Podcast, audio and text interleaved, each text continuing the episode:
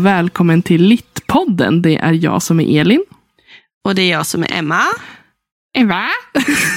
Men det kan du sluta mobba mig. Jag låter tänkte- normal, punkt. Jag tänkte, jag tänkte precis säga att jag ska mobba mig själv. För att jag lät såhär, mm, hej och välkommen. Och så, men då och, så jag valde du, och så valde du att mobba mig istället. Ja, men alltså, ibland måste Va? man göra ett val. Och det valet är inte alltid lätt. I am so disappointed in you. Jag. ja, säger du. Bra jobbat mig själv. Tack. Skakar hand. Self-shake. Step five. Du, du ska bara veta hur många sådana jag gör per dag i mitt huvud. Minst lika många som jag gör. Är Eller det jag, konstigt? jag, jag gör många sarkastiska applåder åt mig själv. Ibland kan Ofta. Du vet så här, när man liksom tänker ut scenarion, typ Mm. så här, vad man skulle säga i en viss situation. Ja, Och så kommer man på ett jävligt bra svar. Fast man kommer Mm. aldrig liksom säga det. ja, man kommer aldrig hamna i, Men man kan ändå bli så stolt över sig själv. Man bara, fan vad jag fick till det där bra i mitt eget huvud. när ingen... Vad var det man sa när man var liten? Intresseklubben antecknar. eller intressesmurfarna hoppar eller något sånt där. Så jävla tråkig. Men. ja, hej. Hur mår du? Ehm, mm.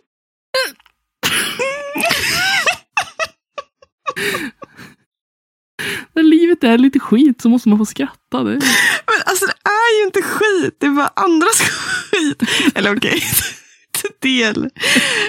Det var en jävligt tung helg. Alltså, alltså jag, jag jobbar varje helg hela augusti. Och sen kommer Ja. september och så jobbar jag helg också. Ja, Dina helger är liksom så här. Har inga helger. Nej, dina veckor har blivit dina helger.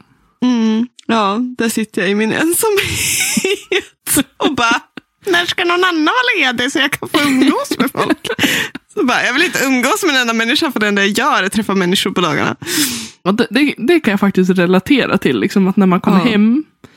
Då blir man så jävla osocial. Ja, Men alltså, rör mig inte, titta inte ens på mig. Förutom när du och säga. jag pratar i telefon i flera timmar. Men det är för att vi kan vara bittra tillsammans. Vi står bara ut med varandras sällskap. Och för att vi är lika arg. vi hatar världen lika mycket. Gud. Nej, det gör vi inte. Nej. Lite. Bara, mm. Vi bara bränna den lite då och då. Burn it to the ground. Mm. Men vi är normal. Ja. Ish. Nej men det var det Nu var det så här. Idag så kom typ. Det var det mycket. Alltså hela sommaren. Det var mycket hela mitt liv. Gud. Men. det var mycket i helgen. Som gjorde mig väldigt stressad. Jätte, jättestressad. Sådär så att. Min kollega bara. Jag har typ aldrig sett dig sådär stressad någonsin. Nej. It's fascinating. Ehm, och så. Och sen så hade jag idag ehm, fick ju förlängd deadline på uppsatsen för att jag har ADHD. Mm. Så jag hade ju min ventilering nu.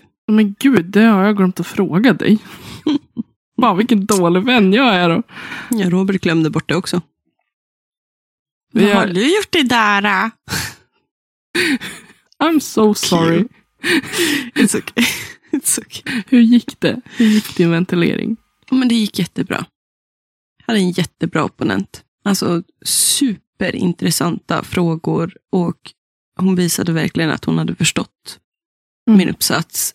Och det kändes jättebetryggande. Mm. Det är väldigt känsligt när man har ventileringen och opponeringsseminarium. Det är när man skriver de här examensuppsatserna. Ehm, så måste man ju, för att bli godkänd måste man få sin, eh, sin uppsats ventilerad och opponerad på dem. Mm. Det vill säga att den ska, den ska diskuteras och sådana saker. Eh, under, ja, opponenten får ungefär 20 minuter på sig. Eh, att berätta antingen alla fel, eller alla rätt, eller lite både och. är man en bra opponent så är det lite både och. Mm. Inte vare sig det ena eller det andra, utan båda sakerna vill man ha. Eh, och sen så får man några dagar efter seminariet att eh, korrigera saker som har lyfts under seminariet. Och man får en errata-lista kallas det, men idag för det mesta brukar det vara okej att skicka ett kommenterat Word-dokument Mm. till exempel. Det behöver inte vara liksom så formellt. Nej, utan man kan ra- bara ändra. Nej, precis. En errata-lista är oftast att man sitter liksom punkt 1 eh, på sida 17 så är det ett kommatecken som har hamnat fel. Punkt 2 på sida 30 är det, ja ni, ja, ni Mm. hör ju. Ehm, och ehm, nej men som sagt, det, det kändes jättebra. Min examinator är eh, rätt person för att examinera min uppsats, vilket kändes också väldigt betryggande. För det är saker jag kan ibland känna mig, få så katastroftankar om. Att, för att jag... Men de känner ju mig nu. Alltså mina Mm. professorer känner mig jätteväl. De vet att jag är en fånge för mitt huvud. Eller inte mitt huvud, men mitt självförtroende och, mitt, och min imposter syndrom. Mm. Känslan att inte vara värdig. Och nu sa till och med min examinator till mig för att jag har en tendens att vilja gardera mig själv. Ganska rejält. Um, särskilt verbalt. um, och hon bara, jag tycker du är så hård mot dig själv nu. Alltså sluta. Typ. Inte riktigt så. Hon lät precis som hon brukar låta. Världens godaste, snällaste, mest empatiska person på jordklotet. Em, men ändå liksom en så här, nu är du hård. Mm. Det här det har gått bra. Och det har gått bra. Alltså den, det är små fix. Som Lite är. buss. Liksom. Mm. Ja, precis. Och den, den liksom, det är inget större. Det, de tyckte det var bra. Vi hade en jätteintressant diskussion, jag och min opponent. Och hon ställde jättebra frågor som fick mig att bara, ah, det här är så nice.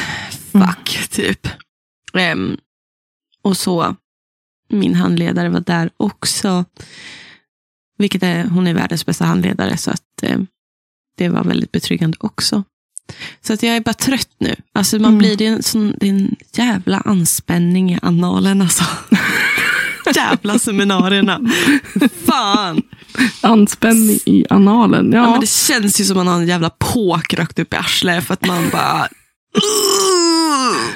Det gör Ja. så ont i varenda nerv. Och man vet, man känner de som opponerar på en oftast. Det är oftast jättevänliga personer som är på de här seminarierna. Och det är och särskilt våran klass. Så jävla respektfull klass och fina liksom, lärare och så vidare. och så vidare. Men ändå sitter man där och bara, de hatar mig. De hatar mig. De hatar uppsatsen. De hatar från första ordet som har skrivits i titeln till sista ordet i litteraturlistan. Eh, ja men alltså så det blir verkligen så. så. Man tvivlar ju. Man, man tvivlar aldrig så mycket på sig själv som man gör Mm. i den stunden nästan. Mm. För att det är så mycket av, det är ju, det är ju bara liksom du. Mm. Det här är bara min forskning. Mm. Nej, precis. Det här är jag. Det är jag, det är jag i femte sida liksom, som säger en sak. Och så bara, tänk om någon kommer och bara, alltså, trodde du? Mm. Och sen så är det ju jävligt skönt då, när man får väldigt fint bekräftat att det här är jätteintressant. Det här du har öppnat upp för ny forskning. Coolt, Mm. typ. Mm. Man bara, hej, det trodde jag inte. Jag ville bara skriva om feminism och ond bråd död. Jag skriver bara om det jag tänker på varje dag. Mord. Nej men, så det, det är liksom, jag är slut, jag är glad, jag är trött. Det är ett litet jävla arbete kvar och sen så är det liksom done. Mm. forever done. Så jag faktiskt kan fucking få ut, skriva ut den här examen också. Men eh, eh, det var något mer jag skulle säga. Nej, jag är bara trött. Mm. Bra det är jobbat. mycket. Thank you. Thank you. Det känner jag också. Jag är stolt över min uppsats. Jag älskar min uppsats. Jag tycker den faktiskt blev skitjävla bra. Mm. Ehm, hade gärna velat hålla på mer kring mitt ämne om gurlesken och den groteska feminism, fe, fe, det groteskt feminina. Man kan alltid skriva isär. Jo, min opponent skrev till mig efteråt och bara fan, du måste, för det var en speciell fråga. Hon frågade om blom, jag behandlar blomsterspråk och monster. Mm. Hon bara, fan du måste skriva en, en essä om det här. Helvete. Hon bara, eller så måste ni köra någon så här äh, följetong på podden där ni kör blomspråk och monster liksom, i litteratur. Jag Ja. bara, mm, ja, kanske det. Vi får se. Vi får se. Det är skönt att låta den vila liksom ett tag nu. Bara för att liksom känna så att okej, jag får andas lite grann från den och sen ta upp den och se vart det hamnar sen. Ja, jo, exakt. Ehm, det är ju en kortare bok man har skrivit, känns det som. Mm. Så att man är ju väldigt, väldigt slut. Mm. Eh, inte knäckt, men slut är jag. Ehm, man tömmer ju ut sig själv under en lång period. Det är mycket. Det är inte bara att sitta och knappa på tangentbord. Liksom. Det är att få ihop trådarna i all forskning som är ganska komplicerad också. Särskilt på den här Mm. nivån. Ehm, Ja. Så är det liksom svår, svårt att förstå även för mig som studerar liksom här nu. Mm. Många tankar som blir och så ska samlas i ett. Så det blir, en jävla, det blir ett jävla maratonlopp alltså. Mm. Helvete. Nej, så där är jag just nu. Ska få ett brorsbarn igen. Mm.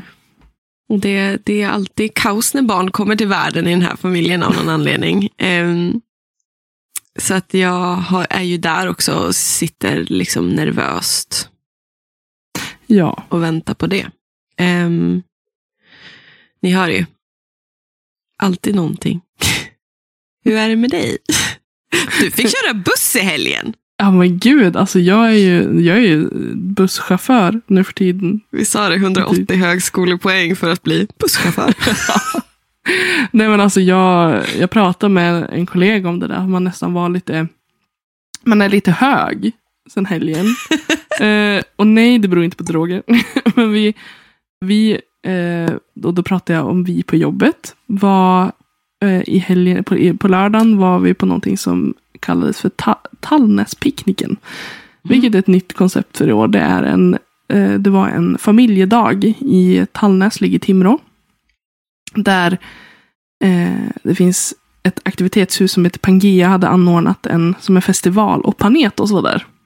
Mm. Och vi då på biblioteket invigde även en ny kulturbuss. Mhm. Det är mer än en bokbuss. Det är liksom, ska ju även, vi ska ju ha den på evenemang och det ska vara, liksom, gå på en rullande tur. Eh, riktat till olika målgrupper, främst barn. Mm. Ascool utvändigt. Alltså gå gärna in på Timrå biblioteks Instagram. För där finns det bilder på hur bussen blev. För den är liksom väldigt sci-fi och skogsinspirerad utvändigt. Den är jätte, jätte, jätte cool. Och det säger jag inte bara för att jag jobbar där. Utan jag säger det för att jag verkligen genuint tycker det. Eh, och det, det är inte en riktig, det är inte en sån här full stor buss. Eh, som man måste ha busskörkort. Eh. Utan det är en sån här Merca Sprinter. Så man kan köra den på ett vanligt B-körkort. Men den är ju... Merca Sprinter innebär minibuss. Ja, alltså den är, den är stor. Den är stor, men den, den är mindre. Mindre än en vanlig buss. Ja.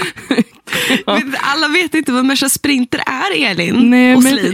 men googligt. Googligt så får ni se att en Merca. Sprinter den är stor som ett as. Om man är van att köra personbilar. Ja. Eh, Jag hade ju en, eh, en Caddy en gång och det är också en skåpbil. Mm. Så att jag är ändå van att köra lite, det är inte en jättestor bil, men alltså lite större bilar. Ehm, Mm. Så att det var, det var en utmaning. Jag ska hämta ut den där bilen från, eh, den hade folierats. Hela vägen tillbaka till biblioteket. Så satt jag så, så bara! Det var så läskigt. För jag var så rädd att någonting, att jag skulle ska skrapa upp hela sidan eller så jag skulle köra av vägen. Och det är så orimligt. Det är orimligt. Det är orimligt. Men, eh, nej, men jag kände så här, jag, jag vill inte vara den första som råkar göra sönder den här bussen. Men det- då in, vi inredde med massa böcker och så tog vi med den ut på den här festivalen. Mm. Och flyttade ut hela verksamheten dit. Så Mm. det var jättekul. Vi, det var ganska mycket människor. Jag tror att det var, jag vet inte exakt hur många som besökte festivalen, men ungefär 2000-2500 pers. Kul. Mm. Kul. Timrå är ganska litet, så det säger ganska mycket. Ja, det är en liten kommun liksom. Mm. Och Panetos, jag var så starstruck. Nej men alltså jag kan inte hantera kändisar. Det, det går inte. du vet när man blir så här. Man blir så fnissig. Mm. Och så här, man nästan så piper lite. Och Man Alltså, jag, blir inte, jag blir inte fnissig, jag blir ganska så här ställd tror jag. Och tyst. Ja, när jag blir fnissig och så ser jag, jag ler med hela ansiktet och jag kan inte, jag har inget pokerface överhuvudtaget. Och så... Ja, det var jättesvårt. För jag, det finns eh, en, en medlem i bandet som heter Pa. Han Mm. kom fram och hälsade och tog mig i hand och jag kände typ att jag så skrek invärtes. Jag bara, ah, don't fuck this up. Jag kunde ändå säga så här, hej. Och så frågade han vart jag jobbar, jag bara, på biblioteket. jag fick fram det i alla fall. Ja, det var bra jobbat. Jag jobbat. var så töntig. Alltså jag, vilken tönt jag är. Det går inte att beskriva. Men alltså, jag kan ändå relatera till bara jag kring nya människor. Mm. Är exakt sådär. Jag bara står och skriker i mitt huvud. Don't fuck this up, don't fuck this up. Ja, Sköt dig, sköt dig, sköt dig. men det var, det var väldigt trevligt. Vi stod och Ja. lyssnade på, de hade ju en konsert då och spelade musik. Mm. Mm. Vi stod och dansade med och sjöng. Och det var, nej, det var jättetrevligt. Mm. Men jag var så slut på lördagen. Vi hade ju varit igång hela dagen. Mm. Jag hade så ont i kroppen. Så knappt jag tog mig upp i soffan. Lite så att Emil fick hjälpa mig upp. Ja, men alltså, jag förstår. Man tömmer ut sig på sådana saker, vilket också Ja. gör det väldigt kul. Liksom. Det är intensivt, Ja. kul. Ja men precis, att man var trött men man var glad för det hade blivit så bra. Mm. Det var en så lyckad dag och det lever vi på lite än. Att man tänker tillbaka och bara, gud vad bra det blev. Mm. Så att nej men jag, jag mår bra, det är fullt upp på jobbet.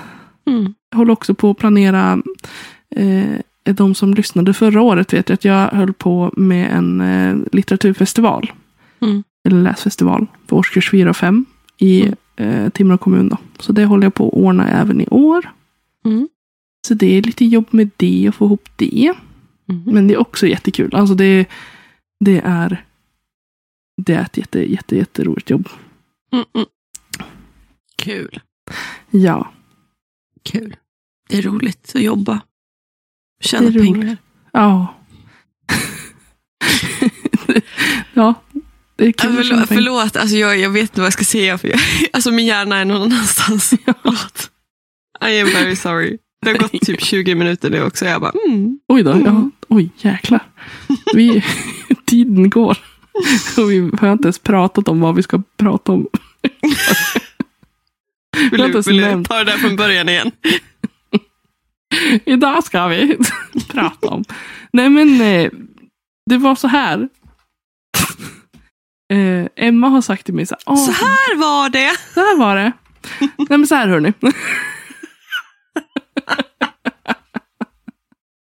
Vad ska du vurma för idag då? Förlåt, vi bara mobbar varandra. Oss själva. Det är kärlek rakt igenom. Mm. Nej men Emma hade sagt, tjatat på mig ganska länge. Att här, du måste läsa Fourth Wing av Rebecca Mm. Yarros. Mm. Du kommer älska den. Mm. Och jag sa, ja, Och du ja, bara ja. sket i mig totalt. Alltså jag sket inte i den, men jag var lite avskräckt för att det var, alltså den är så in i helvete jävla tjock. Fast när jag tänker att det kommer ett boktips från mig, alltså när du ska, du ska lyssna på mig, inte på Boktok, på mig. Då, då hade du inte behövt vara avskräckt. Nej men och så så här. mm, Fantasyvärldar, för det här är ju en fantasybok. Mm. Ja. Och fantasyvärldar som är helt och hållet liksom. Det är inte en, en fantasy som utspelar i våran, eh, våran Mm. värld. Utan Mm. jag, jag vet inte om man kan kalla det för en high fantasy egentligen. Ja. Ja, något Typ. sånt. YA Men det- high fantasy. Ja, men det brukar liksom inte vara min grej.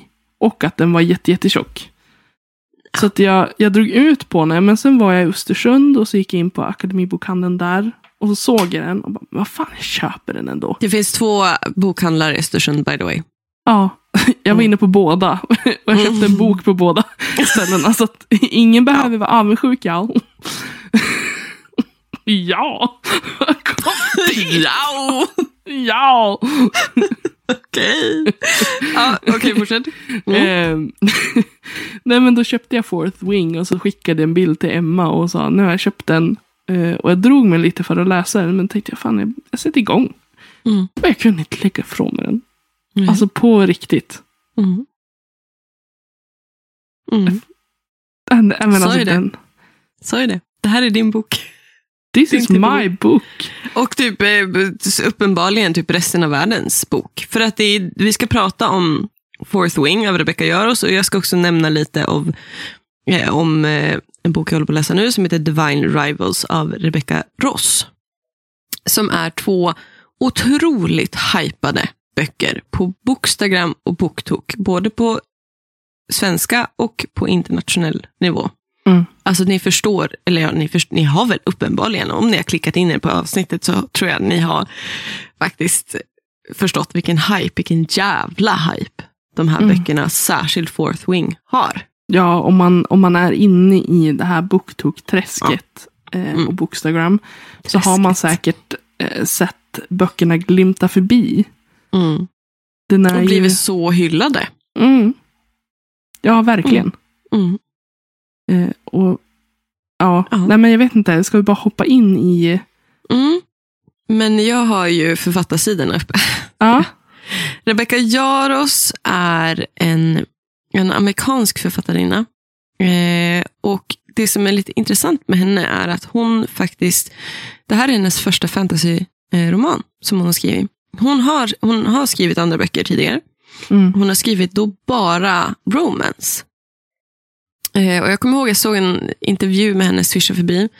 Eh, när jag swishade mig igenom eh, TikTok. Och eh, där hon sa att hennes intention med att skriva Fourth Wing var faktiskt att skriva en typ high fantasy som var lättillgänglig för de som är ny i fantasyvärlden, alltså Mm. i genren.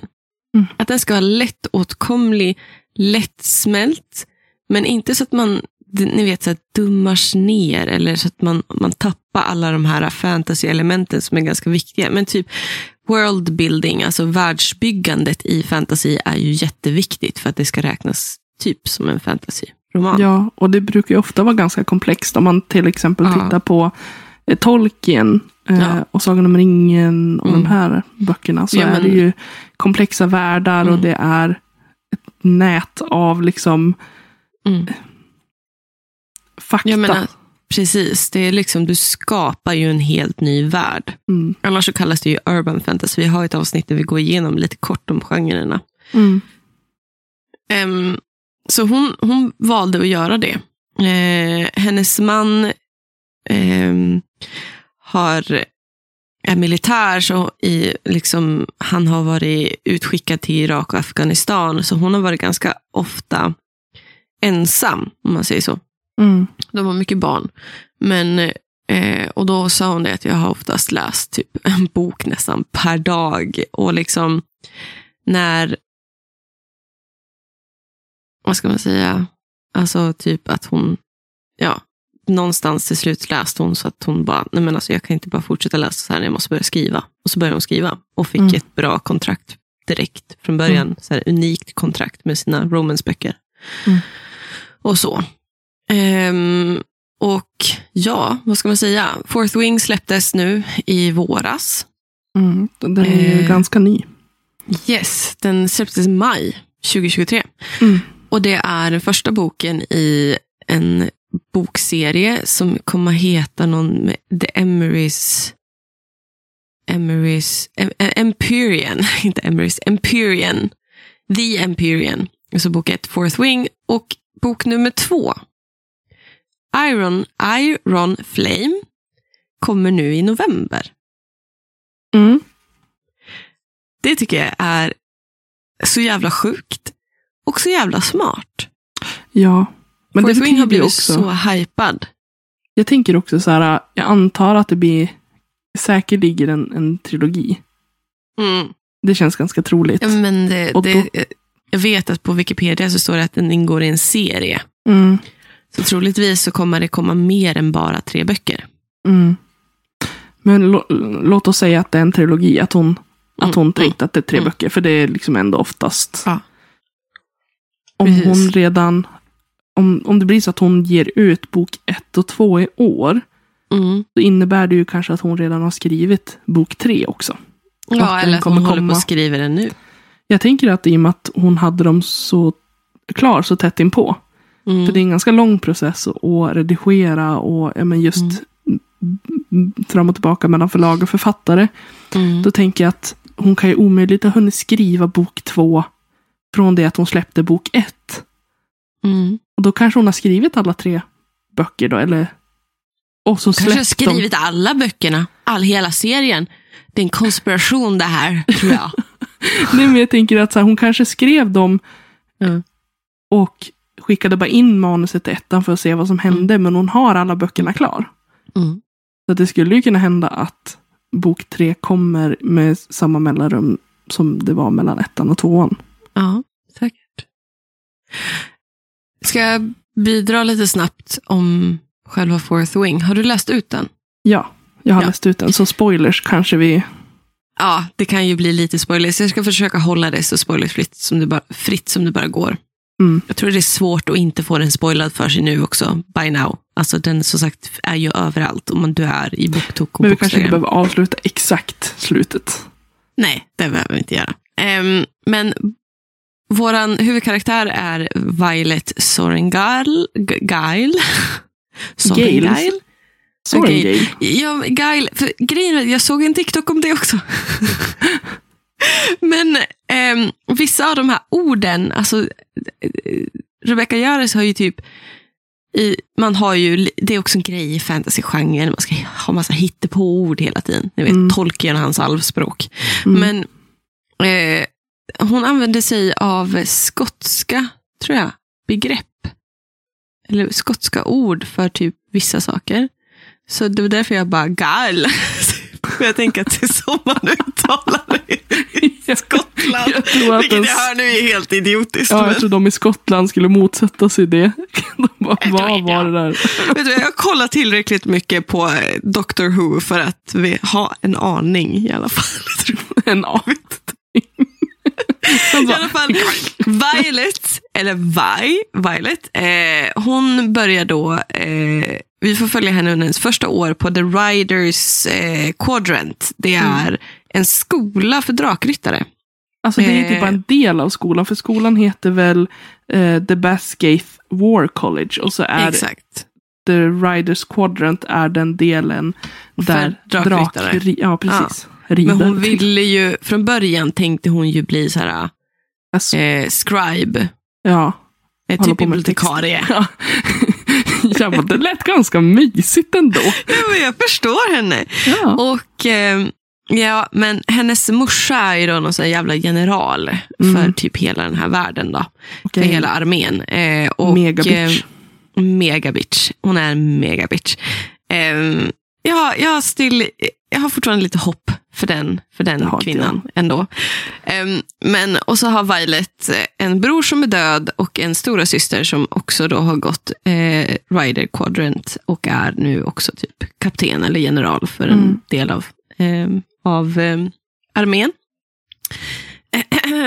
och i- hela den här uh, Violet-karaktären eh, är så intressant tycker jag. Hon är en sån Alltså- underdog. Nej, Men alltså hon har ju, vad heter det här, E- Ehlers, Ehlers, Ehlers, Danlos. Ehlers Danlos syndrom. Mm. Hon har dåliga, oj, dåliga leder som så här pops all the time. Alltså åker ur led hela tiden. Hon är ju skör. Hon, hon är jätteskör. Och hon är så här, ja, men hon har visat på allting och hon typ så här, de pratar väldigt mycket om att hennes hår eh, tappar färg. Vilket också är en typisk grej om man har den här eh, sjukdomen. Eh, vilket jag tycker är helt sjukt coolt. helt sjukt coolt.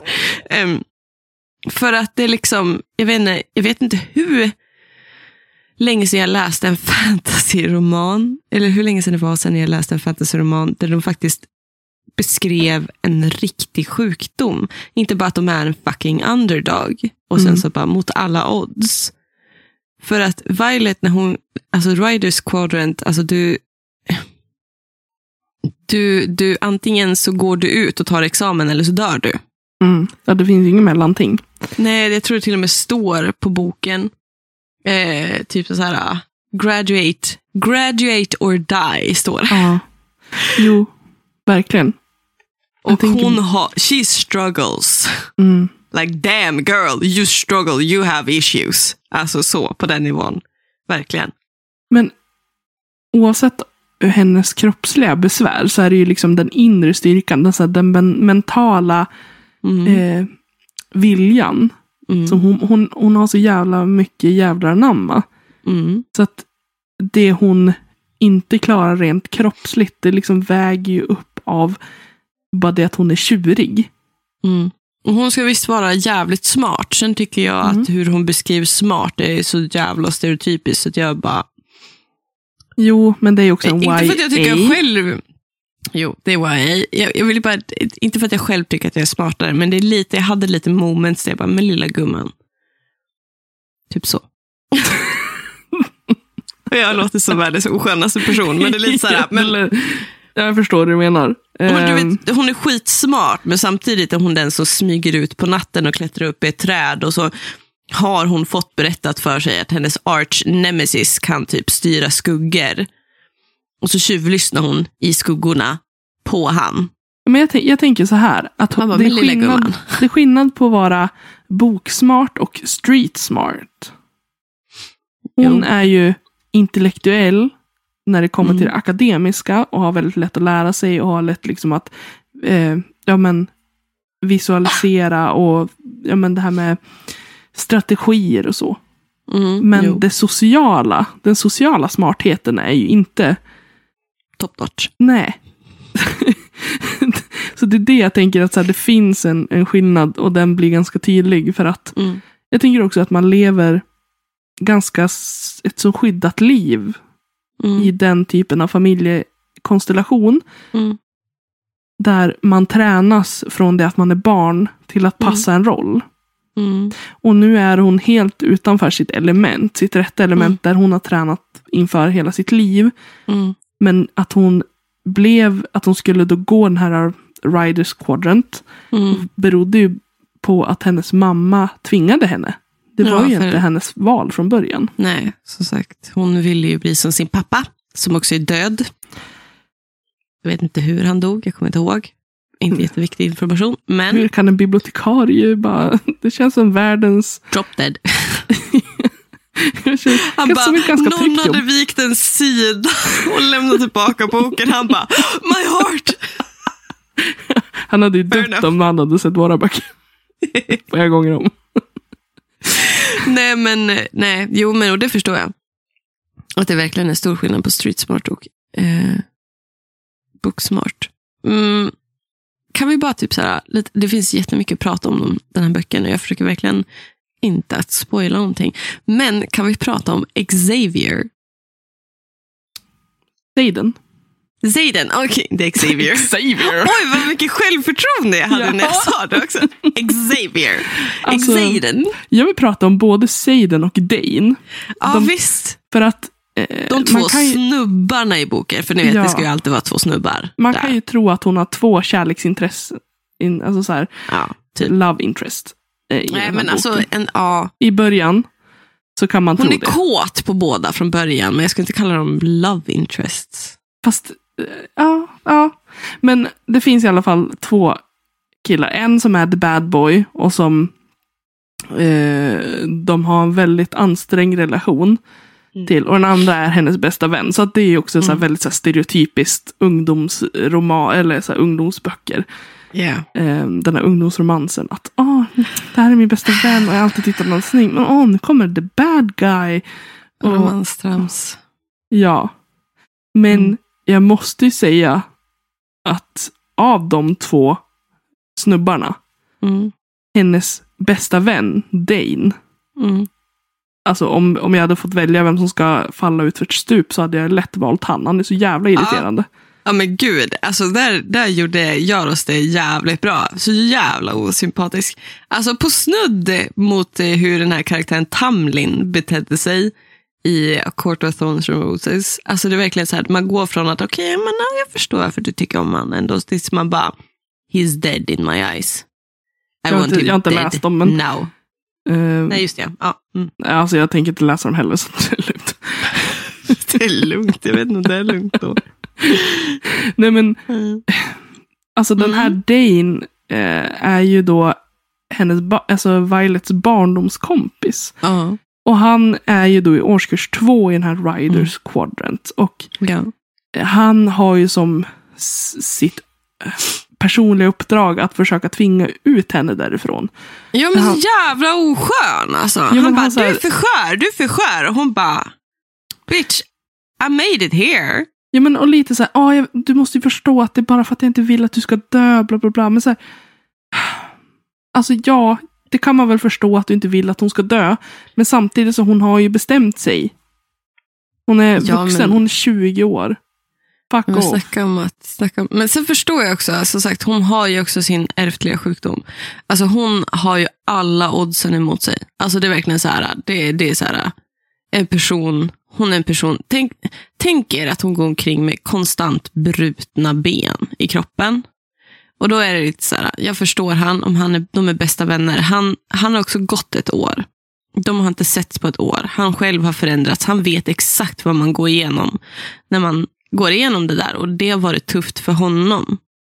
Och så kommer hon där och han vet exakt för att de är bästa vänner. Alltså jag förstår.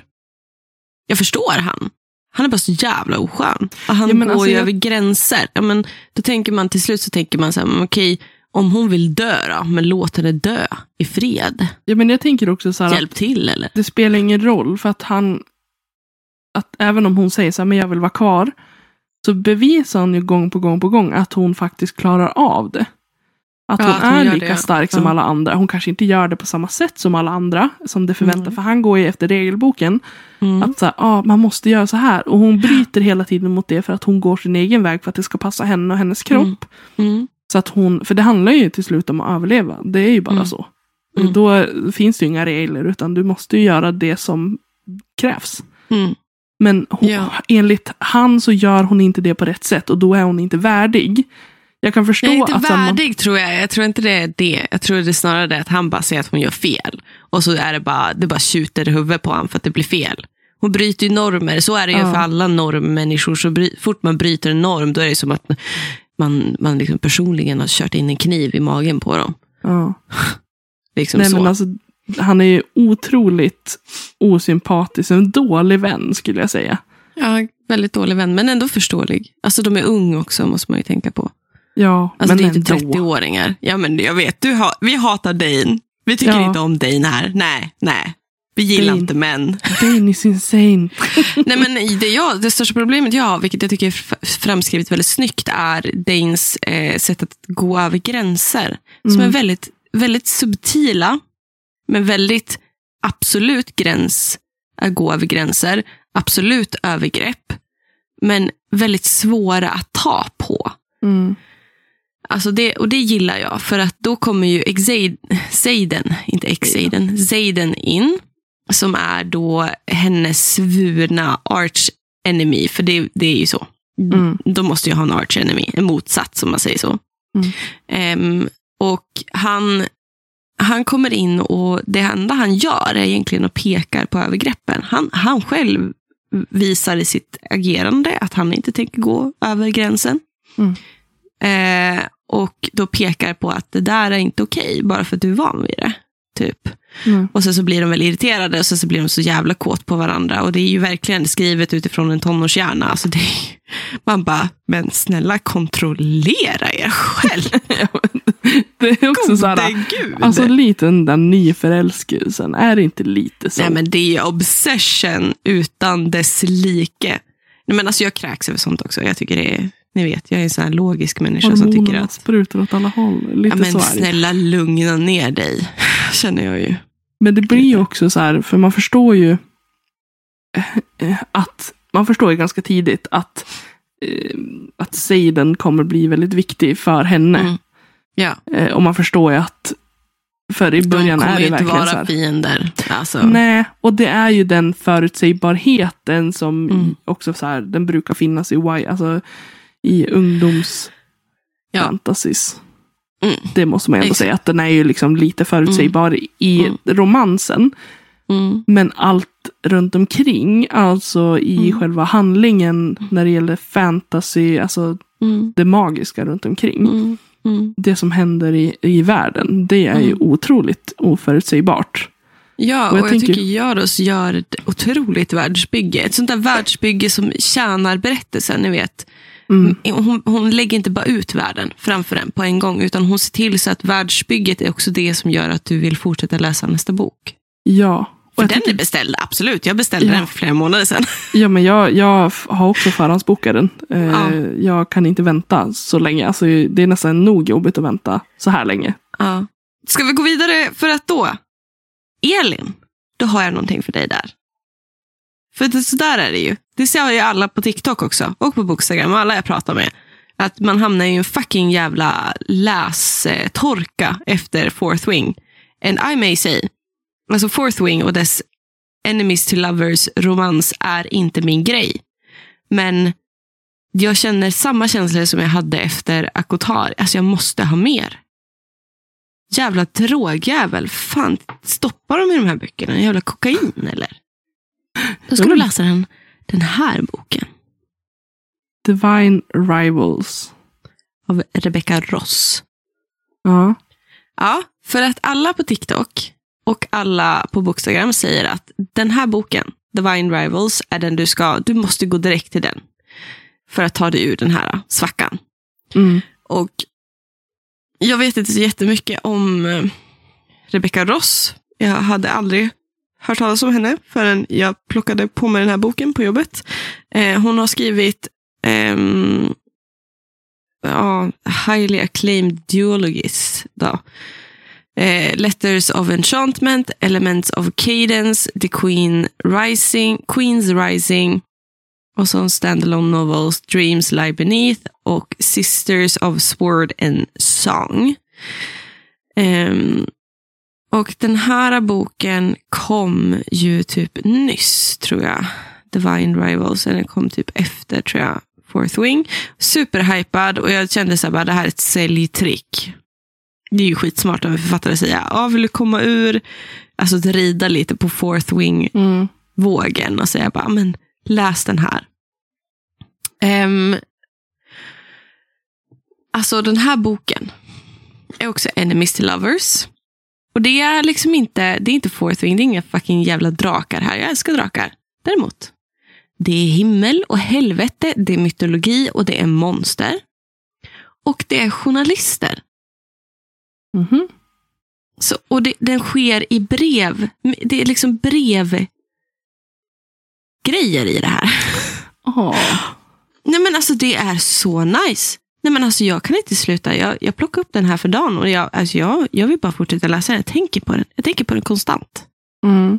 Precis som med Fourth Wing. Jag tänker på den konstant och jag vet inte vad det är för fel på mig. Jag hatar romanstrams. Det är enemies to lovers. De är, det handlar om Iris och eh, Roman. Du får två narrativ. Du får Iris främsta narrativ. Men sen får du även eh, Roman, eh, killens då, eh, narrativ ibland insmetat där. Och det är så snyggt gjort. Det är så snyggt skrivet. Sen så är det, det är ju så lättåtkomligt. Jag vill inte säga att det är ett lättare språk, men det är skrivet på, det, på ett sätt som gör att det, väldigt, det flyter in väldigt lätt. Det är väldigt kort, snabbt förklarat. Och det är väldigt konstaterande. Att Mm. så här är det bara och då ska du bara acceptera det. Mm. De befinner sig i någon sorts 1930-tals eh, London, fast det är inte London, det kallas Oath, men det är då en fantasyvärld. då. Så hon har gjort det smart. Hon gör, hon gör någonting, hon konceptualiserar någonting som vi redan vet. Vi blir satt i en London-aktig kon, kontext, men den, det är inte London. Liksom. Men vi kan lätt förstå vad det är. Och alltså, jag vet inte hur jag ska förklara. I alla fall, Iris eh, och Roman bor i Oath och det pågår ett krig mellan två gudar. Eh, Enva och eh, Darko, Draco, Draco. I alla fall. Draco Malfoy. Ja, men, nej, men nästan. Nej, men, eh, I alla fall så är det en liten twist tror jag på Persephone och Hades. Eh, myten. Helvetesguden vill ha den, den, vackra, eh, den vackra, livfulla, underbara eh, gudinnan och så blir det ett krig. typ. För att Mm. den ena blir nekad den andra. La, la, la. Och då är det så att eh, Iris bror eh, drar ut i krig och försvinner. Eh, Iris mamma är sån jävla alkoholist. Alltså. Hur fan vad vidrigt det är. Alltså, de delarna har varit fruktansvärda. De har varit jättejobbiga att läsa. Roman kommer från en rik familj och han är en arvinge till ett så här, företags empire. Och båda två jobbar för en tidning som heter The Gazettes. Typ. Och då jobbar, alltså tävlar mot att bli liksom columnist. Jag vet inte vad det är, alltså, som en huvudjournalist antar jag. Eller något sånt. Ehm, och de eh, utvecklar typ ett band genom att de skickar brev till varandra. Vilket de inte vet, för- eller Roman vet att det är Iris. Men Iris vet inte att det är Roman. För att husen är typ magiska. Mhm. Och hon har stoppat de här breven som först hon började skriva för att skriva till sin bror. Då, så har hon bara lagt dem i sin garderob för att spara till sina. Senare så har de försvunnit plötsligt. Och hon tänker att ja, men hoppas de kommer fram till brorsan då. Typ. Men så är, det, så är det Roman, hennes, hennes arch enemy, som får de här breven. Mm. Och samtidigt som de då tävlar om det här och är ganska så här, de är inte jättetrevliga mot varandra. Eh, och så då så utvecklar de typ så här liten relation därigenom, fast Iris vet inte att det är Roman. Roman vet att det är Iris och sen så händer det jättemycket saker eh, däremellan. Och jag får sån jävla, särskilt med att hon stoppar breven i garderoben, det är sån jävla Narnia-känsla. Alltså hon tar sådana koncept, den här Rebecca Ross, Mm. typ Narnia, kända mytologier. Och sen så väldigt mycket så här fina, tröstande visdomsstycken. Liksom. Jag, det var en del här som jag vek vid, som jag bara, alltså det här var så jävla fint. Jag vet inte hur jag ska ta mig vidare efter det här. Ehm, och, och vad var det? Eh, för att Roman skrev till henne, fast Iris vet inte att det är Roman. Do you ever feel as if you wear armor day after day? Och sådana saker. How do you change some, something like that? How do you make your life your own and not feel guilt over it? Och så skriver Iris tillbaka. I think we all wear armor. I think those who don't are fools.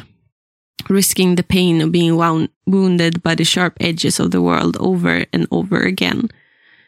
But if I've learned anything from those fools, it's that to be vulnerable is a strength most of us fear. It takes courage to let down your armor to welcome people to see you as you are. Sometimes I feel the same as you. I can't risk peop having people behold me as I truly am.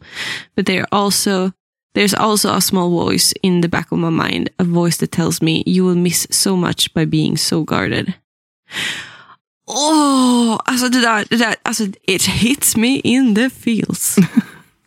Så jävla hårt alltså. Alltså det är väldigt mycket sådana saker som jag tänker att barn och unga, för det här är också en YA, behöver få höra. Alltså verkligen, så vi bara, alltså, du vet, vi är 30 år gamla, vi vet det. Efter Mm. mycket hardship and heartbreak och skit. Och att man har tappat människor och man har släppt människor nära och man har blivit, någon har gjort en illa och så blir man jaded. Mm. Och så tar det ett tag, det tar några år, ofta några samtal hos en psykolog eller kurator, så fattar man ju att ja, så, här, så, här, så här hög mur kan jag ju inte ha. För att då blir jag ju ensam. Men hur gör jag det här? Hur, hur får jag till den här balansgången? Och vad är den här för balansgång? Lever alla människor så här? Mm. Jag tänker att hade man fått hört det, hört det liksom, fått det sagt till sig själv när man var, för att Iris är 17 år gammal och Roman är 18. Då tror jag att man hade kunnat spara sig själv ganska mycket skam och eh, tunga känslor, tror jag. Och jag gillar det. Det. Det är också varför jag gillar att läsa YA. Jag gillar inte att läsa romanstrams, men jag gillar att läsa sådana här saker, för jag gillar hur många ung, unga vuxna författare pratar till barn. Liksom. Mm. På sånt fint sätt. Och, då, och d- då måste jag säga att Divine Rivals efter Fourth Wing är ett en väldigt bra, ett väldigt bra beslut kände jag. Det var ett väldigt bra beslut av mig att ta och läsa den där boken. Mm. Det Bra boktips. Ja. Du vill inte läsa den eller? Nej. Varför då? Men Elin, kom igen! Det var det här med breven som så jag kände Nej, men- så här. Men det är jättebra. Det är, liksom, det är inte brev hela tiden, men det är liksom brev då och då. Och det är inte kärleksbrev. Nej. De sitter och funderar över livet, för fan. Du vet. Som man gör när man är kränkt 18 att och jag 17. inte, ja, men du jag vet inte här, går igång. Nej, för att jag vet att du har fel. För att du...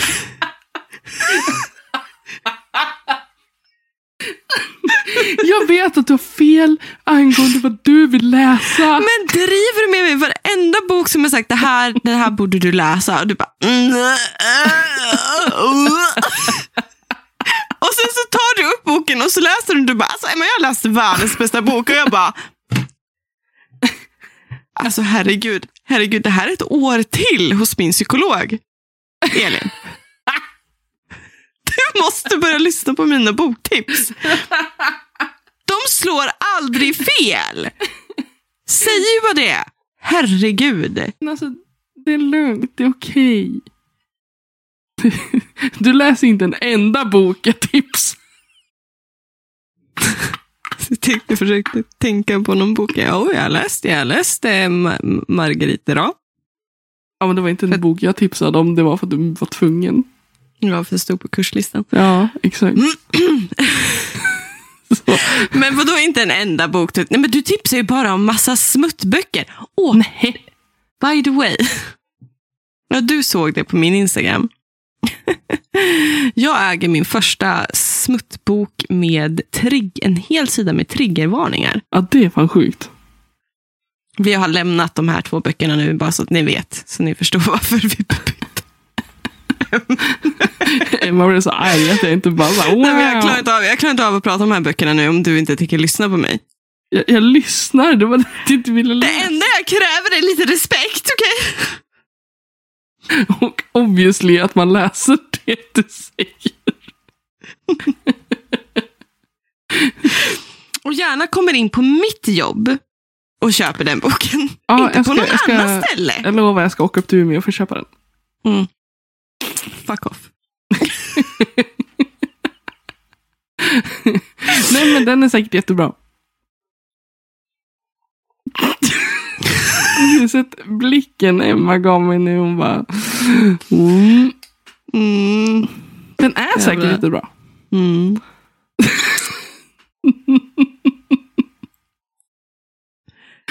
Det är den. Ja. Läs den. Någon. Tack. Jävla Elin. Jag äger en smuttbok som heter Death's Obsession. Har du börjat läsa Eh, den?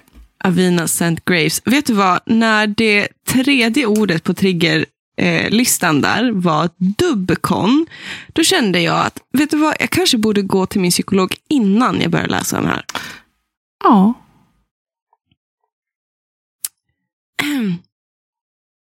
Alltså jag, jag är traumatiserad efter triggerlistan. Alltså. Det, det är så här, va? Varför Jag fick skriver den- man en bok med så många trigger, alltså så här, där det behövs så många triggervarningar? Alltså så jag vet inte. vad, vad får man ut av att så här, skriva massa sjuka grejer?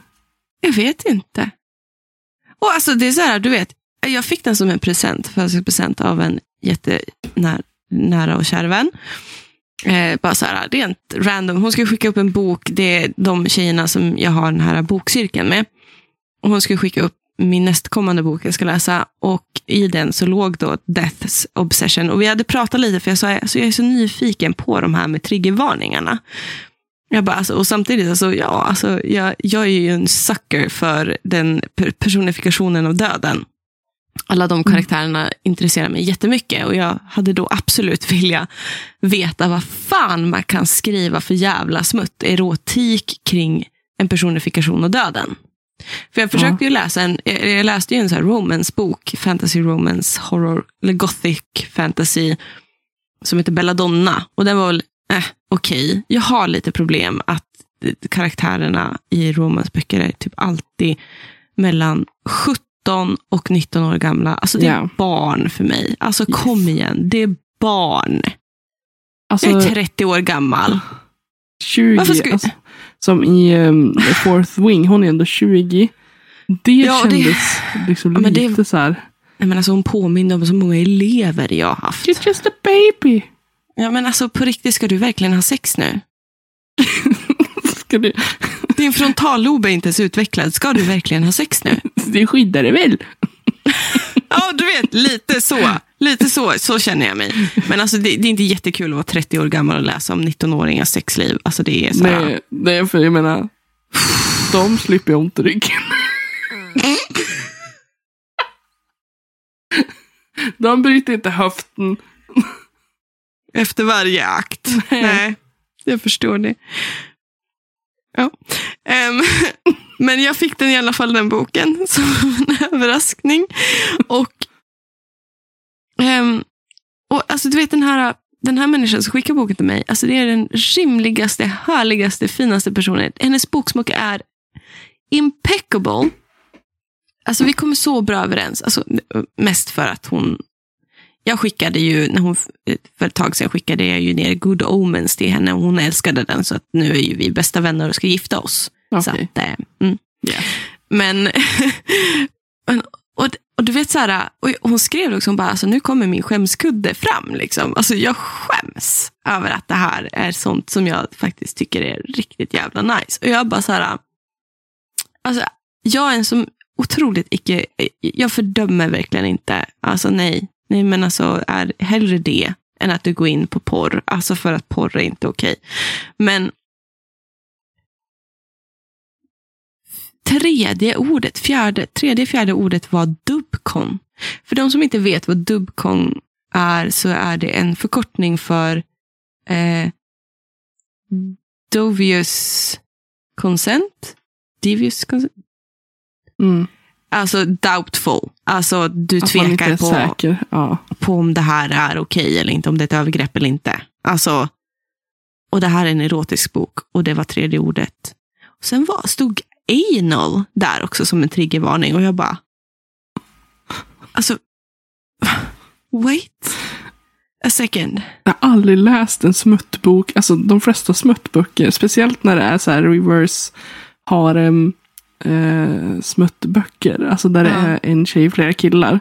Ja. Då är det oftast liksom Vanilla? ja, nej, det är oftast liksom flera stycken samtidigt. Och det är så här, Oj! All, alla ställen är ockuperade. Nej men man, gud! Och det är aldrig någon triggervarning på dem. Men du, för att du läser e-böcker antar jag. Det kanske inte fick ja, plats. Vi vill varna känsliga lyssnare. ja men typ. Typ. Äh, nej, men jag är lite så här, jag vet inte. Och sen så står det så här, the dedication. To the girls who think that death will fuck like a god. Huh. Jag, jag tänker mig att döden är lite döden. stel. Nu tror jag inte att döden är ett skelett. Dyker upp. Eller the grim, the grim reaper. The grim reaper will fuck like a god. Stod det. Det där är så intressant också. Är döden och liemannen exakt samma person egentligen? Är inte liemannen bara en henchman? Det kanske beror på hur man, hur man liksom formar den storyn. Alltså det, jag får så många sjuka bilder i huvudet nu. Alltså jag kan inte. Jag ser bara framför mig en snubbe i en där Och yxen är liksom Ta- lien. Ja, men det var då ställer han lien i ett hörn där åt sidan, hänger upp den på en krok, tar av sig den där. Vad är under? Vad finns under? Är det då Jag ett tror inte han tar av sig den. Jag tror inte han tar av sig den. Jag tror att han Men behåller den för på. fan vad varmt! Han är en sån, han är en sån som är så här likvärdig människor som har strumporna på.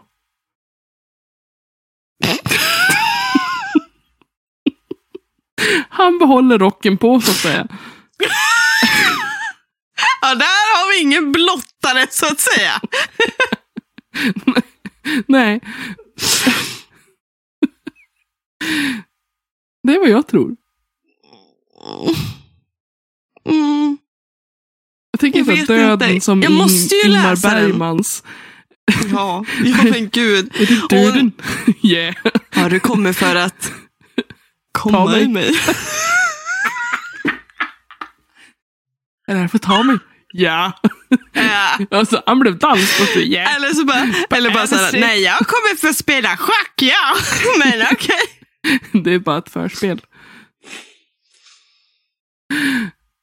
Det är så, det är så här liksom, alltså för min döden, min, min lilla lieman, alltså min, min obsession. Lilla det är det han kallar sin sak. Jag hörde det, min hjärna skrek sekunden efter jag hade sagt det. Nej, Lille Limen. lille lieman, Lilleman. lille mannen där. Det kommer liemannen med sin lie.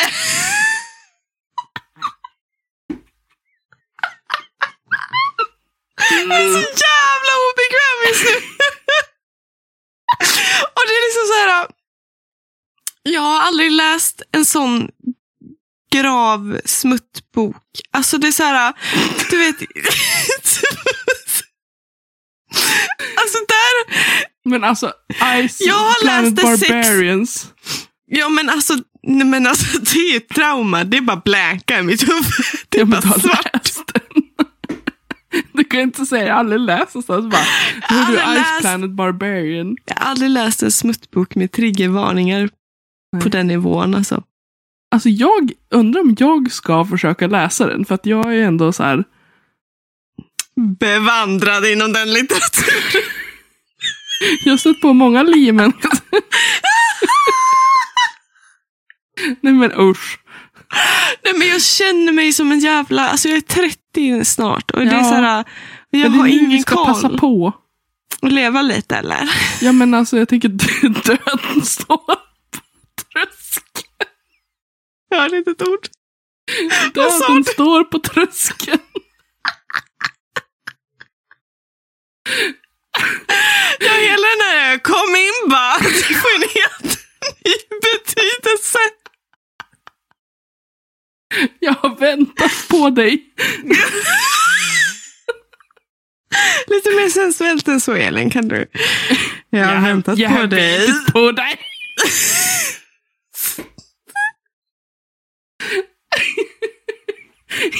Lilleman.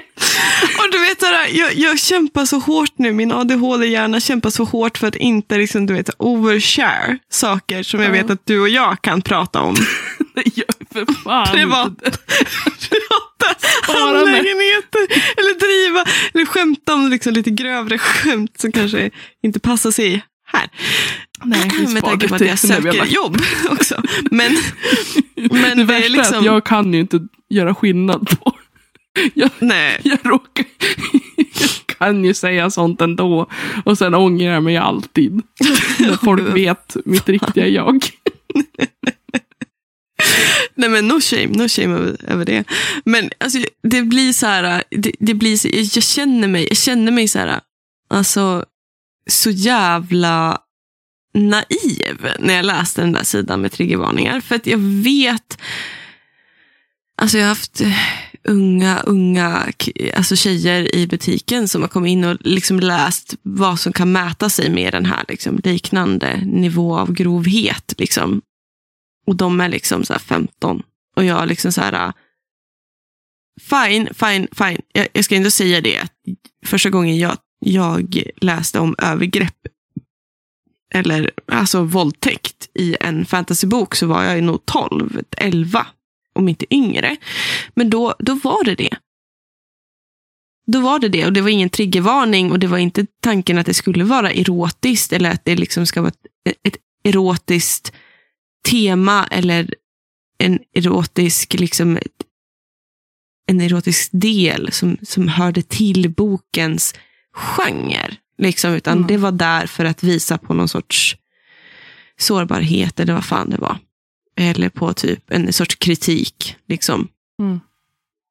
Och jag liksom kände mig så här, det, du vet, jag kunde när jag var ung liksom läsa så här, gamla Harley Quinn, Harley Quinn, Har- Harley Harley Quinn? Harley Quinn. Quinn? Böcker och bara där det kunde stå liksom att det stod styva bröstvårtor och jag bara, åh herregud. Liksom. Om du blev det varmt. nu blev det lite jobbigt här. Nej men liksom, alltså, jag känner mig jättenaiv. Mm. Jätte, jättenaiv och, och typ så här lite jag är inte bekymrad för att min vän läser den här boken för att hon är superrimlig människa. Hon har till och med, hon har till och med antecknat i den, alltså annoterat den och satt lappar. Liksom. Så det ska bli jätteintressant att läsa hennes tankar över det. Om så bara hennes reaktioner eller när hon kanske Wow. råkar bli kåt eller något sånt. Det vet jag vad det är vad hon har skrivit. Jag är lite rädd för det också för att den här personen, jag älskar henne. Hon är verkligen, en- hon är, hon är som mig. Liksom. Oh, tjena, liksom så. Men jag vet inte, jag, vet inte jag, jag är så dålig. Rent generellt är jag dålig på så här, äh, romantik. Alltså det har jag, om något har jag verkligen fått en, en så här, äh, check på det nu när jag håller på att skriva min bok. Att jag kan typ inte ens skriva romantik för att jag blir, jag blir in, jo, men lite illa berörd någonstans. Och då när det blir så extremt, liksom, när det här är saker som, där det tanken inte är att det ska vara skräck eller vara negativt eller på det sättet.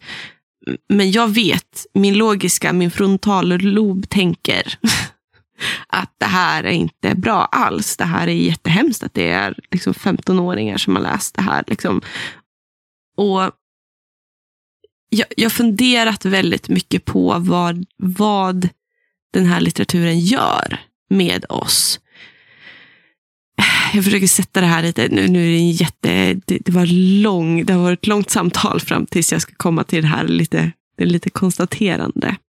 Em, där jag funderar på, av samma anledning som det har släppts forskning, att porr till exempel eh, kidnappar ett, ditt belöningscentrum i hjärnan. Vi vet ju det, att känslor sitter ihop med kropp och kropp sitter ihop med känslor. Känslor aktiverar kemikalier i oss, oxytocin och sådana saker. Eh, och porr till exempel, eller sexuell satisfaction, eh, när, vi får, när vi får komma helt enkelt. Eh, jag skickar ju också signaler till hjärnan och hjärnan vill ju ha det, precis som choklad är gott. Jag äter gärna en till chokladkaka. Liksom. Säger du äter choklad. ja, exakt. Nej, men vad gör de här smuttböckerna med våran hjärna? Och jag dömer inte det, utan jag bara funderar på varför det plötsligt är så... Som sagt, jag kunde fnissa och tycka det var jättepinigt att läsa Harley Quinn-böcker. Varför är det inte de här smuttböckerna det längre? Är det en sexuell frigörelse? Eller är det, är det, vad gör de här böckerna? Vad är det? Vad är det med de här böckerna? Vad är det? Berätta för mig. Jag förstår inte. Jag förstår genuint inte. Och, och, och, och jag, jag, liksom så här, jag har ändå försökt. Jag har försökt. Alltså jag försöker ju, obviously. Jag läser romanstrams. Jag försöker. Jag är inte en sån person som bara, nej, där tänker inte jag ställa mig. Typ så. Jag tänker bara läsa om coola aliens. Typ. Så är jag ju inte. Jag försöker ju verkligen. Men jag, jag kan liksom inte se. Jag kan inte se tjusningen i en smuttbok med en hel sida av så pass grova triggervarningar.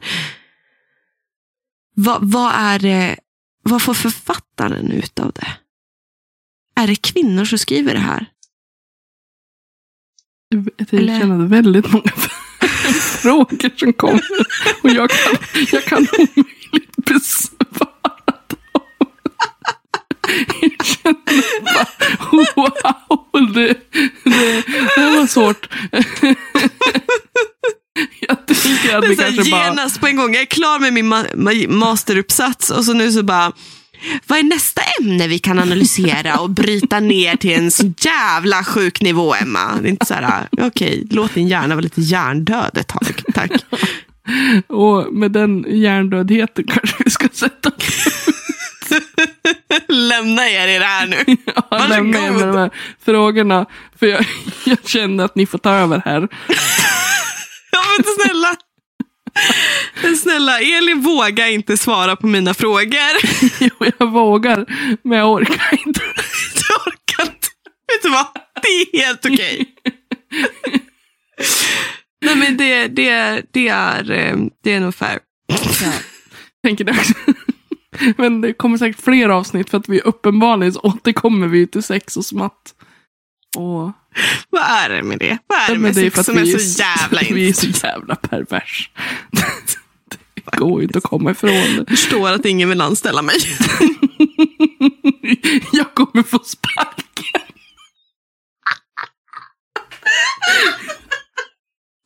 Du skrattar så härligt. Jag är Ja. livrädd. Nej, jag, jag Ja. vet min chef sitter säkert och skrattar eh, nu när hon lyssnar på det här. Så att. Nu har du garderat dig i alla fall. Ja, men eh, det här var ju också trevligt. Eh, Vi pratar Vi- lite om de här BookTok-kändisarna igen. Det Ja. hamnar mycket där faktiskt. Jo, men För de att är det ju så ett aktuella. Ja, men det är så intressant fenomen också tror jag. Faktiskt att diskutera. Mm. Eh, jag känner mig dock jävligt gammal. Vilket jag inte trodde att jag någonsin skulle göra. Jag som har längtat till att bli 30 och så nu är jag 29 och så är det ett år kvar och jag bara, fan vad gammal jag är. Ja, men alltså, det är lätt att säga att man vill bli 30 när man är typ 27. Ja, men jag har ingen har- ångest över det. Det är mest bara så här, Den aha. kommer ju. Alltså så här, den kommer ju slå... När man är 30, det är då det slår. Det är det här jag menar med att normmänniskor har problem när man bryter en norm. Nej, jag kommer inte få någon 30-årskris, Elin. Jag har, jag har inte det. Jag har inte 30-årskris. Nej, för att du är 29! Sitt där du. Vi Elin sa förra till- veckan, vi måste ha en halloweenfest, för hur länge får man klä ut sig? Jag bara, är, det, är det socialt acceptabelt att fortfarande Jag kan klä inte ut vara sig? 50 och klä ut mig. Kan jag vara Gandalf och vara 50 liksom? Ja, det kan du, om någon gång. Och, ja, om du är med så klär jag ut mig. Men jag klär inte av mig.